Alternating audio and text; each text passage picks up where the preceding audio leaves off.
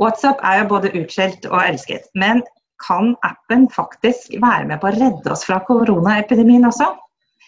Det spørsmålet skal vi prøve å finne svar på i dag eh, i dagens utgave av Pandemipodden til Senter for utvikling og miljø ved Universitetet i Oslo.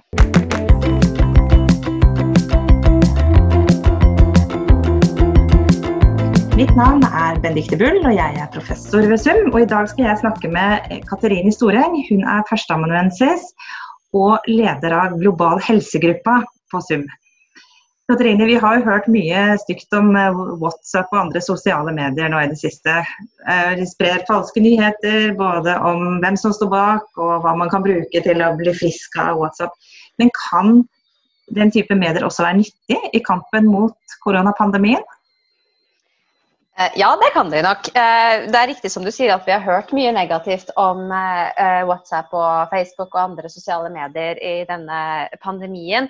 Verdens helseorganisasjons generalsekretær dr. Tedros var jo ute i midten av februar allerede og sa her bekjemper vi ikke bare en epidemi, men også en infodemi. På det tidspunktet så påsto han faktisk at falsk informasjon om det nye koronaviruset spredde seg raskere enn viruset selv. Det har jo endret seg nå, selvsagt. Men selv om det har vært mye fokus på, på, WhatsApp og andre sosiale medier som spreder av falsk informasjon, ser vi også at myndigheter og også Verdens helseorganisasjon har gått til disse samme firmaene for å finne løsninger.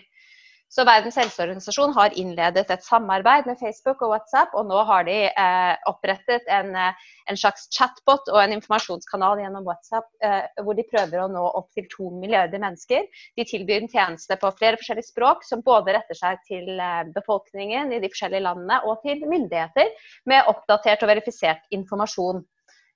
Og Samtidig har også Verdens helseorganisasjon gått eh, inngått avtaler med Google eh, og andre teknologiselskaper for å sørge for at den informasjonen som kommer opp når man googler eh, om eh, koronaviruset, er, eh, er, til å stole på. Da. Det er jo ganske interessant, men eh, mm. hva slags informasjon er det, er det, man egentlig samler inn om folk nå? Og hvordan, hvordan bruker norske myndigheter dette her? Altså nå samler man inn mer informasjon enn noensinne. Fordi eh, det vi ser nå er at eh, det er unntakstilstand og krise. Og man, eh, myndigheter over hele verden ser til eh, mobildata og stordata fra forskjellige kilder, reiseinformasjon f.eks., for, eksempel, for å prøve å forstå noe om eh, pandemiens spredning.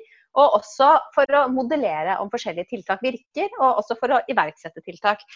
Så vi ser uh, Mye av dette her har jo handlet om Kina. Um, det var mye i internasjonale medier særlig om hvordan kinesiske myndigheter uh, både sensurerte innhold i hva heter det, WeChat, som er tilsvarende WhatsApp, men i Kina.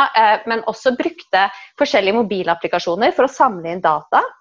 Som de, som de brukte for å kartlegge hvem som hadde smittefare og smittesporing. Og det ble jo eh, såpass avansert at folk eh, lastet ned en app som ga dem en QR-kode som de kunne vise til myndigheter for å, for å, eh, identifisere de som hadde høy risiko for smitte og lav risiko, og da fikk innpass i det offentlige rom. Og Det ble også rapportert i New York Times annet, at eh, myndighetene ga disse opplysningene videre til eh, politiet. Så dette jo, legger jo da på en måte grobunnen, muligens, for en form for sosial kontroll som vil vare lenger enn eh, pandemien selv. Det kan vi vel ikke tenke oss at skjer i Norge, akkurat denne her eh, overvåkningen? Nei, eh, forrige helg så sto det jo en kronikk i Aftenposten hvor det sto at det var helt utenkelig at eh, vi i Norge ville se samme type teknologi tas i bruk for å overvåke den norske befolkningen. Eh, og til en viss grad er, det, er, nok det sant. Men vi eh, ser jo også utviklinger her i Norge som jeg ikke tror vi kunne forestilt oss for et par uker siden. Vi har jo akkurat eh, fått vite for noen for dager siden at Folkehelseinstituttet og Simula Research Institute holder på å utvikle en app som norske borgere skal kunne laste ned frivillig for å hjelpe til eh, i, eh, i, myndighetenes arbeid mot epidemien. Og da er det snakk om eh, en app hvor man skal kunne la seg spore for at man enklere skal kunne gjennomføre såkalt smittesporing. Eh, det vil jo da gjøre det arbeidet som nå gjøres manuelt, med å prøve å finne ut hvem du har vært i kontakt med, eh, veldig mye enklere. Men det er jo også da andre mulige bruk av, av informasjonen til forskning og sånn etter hvert. Eh, og dette er jo egentlig en ganske dramatisk utvikling. før denne pandemien startet, så var det f.eks. ikke mulig for forskere å få tilgang til mobildata for å forske på. Men nå er det jo flere forskere ved Universitetet i Oslo og andre steder som har fått eh, mobildata fra Telenor for å kunne forstå og modellere hvordan eh, epidemien eh, kommer til å utvikle seg. Så da snakker man både om individuelle data, men også aggregerte data som er anonymiserte. Men til hvilken grad de faktisk er anonymiserte, det er jo ikke helt sikkert. Nei, altså Vi får jo hele tiden spørsmål om dette her. Eh, men burde vi være skeptiske til å svare på og gi liksom personopplysninger når vi får spørsmål om å bli med på ulike typer undersøkelser som skal hjelpe oss mot denne pandemien? Altså, det man ser er at Det har kommet en del forskjellige ting de, i de siste ukene. Det er flere private aktører som har laget sine egne sånne datainnsamlingsapper og, si, og websider Eh, med påskudd om å hjelpe myndighetene. De ville jeg kanskje vært litt skeptisk om, men alt dette handler jo om tillit. Hvor mye stoler vi på myndighetene våre? I Norge så har vi jo ekstremt høy tillit eh, til hverandre, til fremmede og til myndighetene. Eh, så selvfølgelig vil jo det utspille seg forskjellig i et land som Norge enn i et land, si et afrikansk land som kommer ut av konflikt, hvor ikke innbyggerne nødvendigvis stoler på myndighetene. Men, men, og Folkehelseinstituttet har jo eh, virkelig understreket da, at å laste ned denne appen er frivillig, at all informasjonen kommer til å være anonymisert, at eh, det ikke vil gis videre til en tredjepart eh, osv. Og det tror jeg nok de mener, men det er jo også noen som sier at, man, at datasikkerhet er ikke vanntett, liksom. Og det er jo vanskelig å vite hvordan dette her kommer til å bli brukt på sikt. Så det sies at disse dataene skal brukes under utbruddet, og slettes etterpå, men man vet jo, ikke, vet jo ikke helt, da. Så det er jo noen grunner til å være betenkelige, men det er jo som ble skrevet i, dag, i Aftenposten i, i, dag, faktisk på kommentarplass, at det, i en krise så, så, tenker man jo litt annerledes om alt. Og med selv om jeg har noen forbehold, så vil jeg jo ikke si at det er noen grunn til å ikke stole på norske myndigheter her.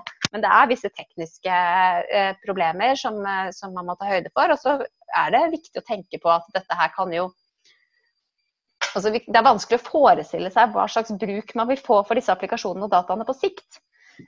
Ja, altså, du skrev jo faktisk lenge før dette her, eh, pandemiutbruddet hadde en eh, artikkel i Tidsskritt for Norsk legeforening mm. eh, som het 'Krise'.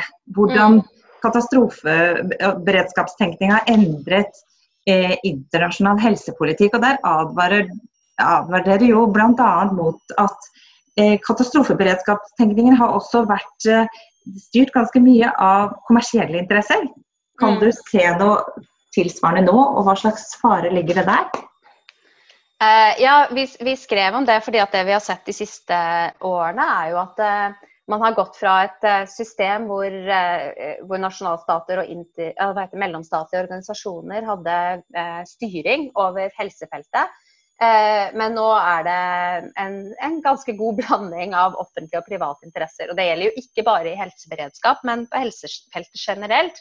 Hvor vi har sett at private helseleverandører, eh, legemiddelfirmaer osv. har fått økende makt. Og også private stiftelser og givere.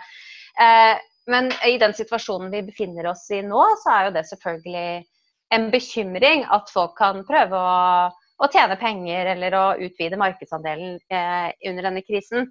Men eh, det vi ser er jo at det har blitt veldig mye fokus på å opprette eh, gode og trygge privat-offentlige samarbeid.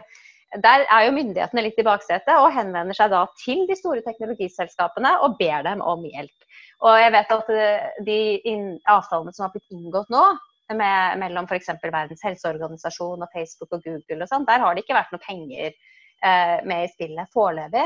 Men eh, på sikt så vil man jo tenke seg at det kommer til å bli kommersialisering av eh, private data og av algoritmer og av, av, den kompetansen som trengs for å analysere disse komplekstingene. Så det, det, er jo noe man må passe på, men det er jo kanskje det denne utviklingen peker på mest, er jo at vi er i en situasjon hvor eh, teknologiselskapene har fått ekstremt stor eh, makt. Vi vet jo at de styrer store deler av verdensøkonomien, men de har jo også fått en, en stor del politisk makt. Det blir vel bare større deler av verdensøkonomien nå som eh, de er de eneste som på en måte klarer å holde hjulene i gang, mens andre fysisk avhengige sektorer er mye mer utsatt?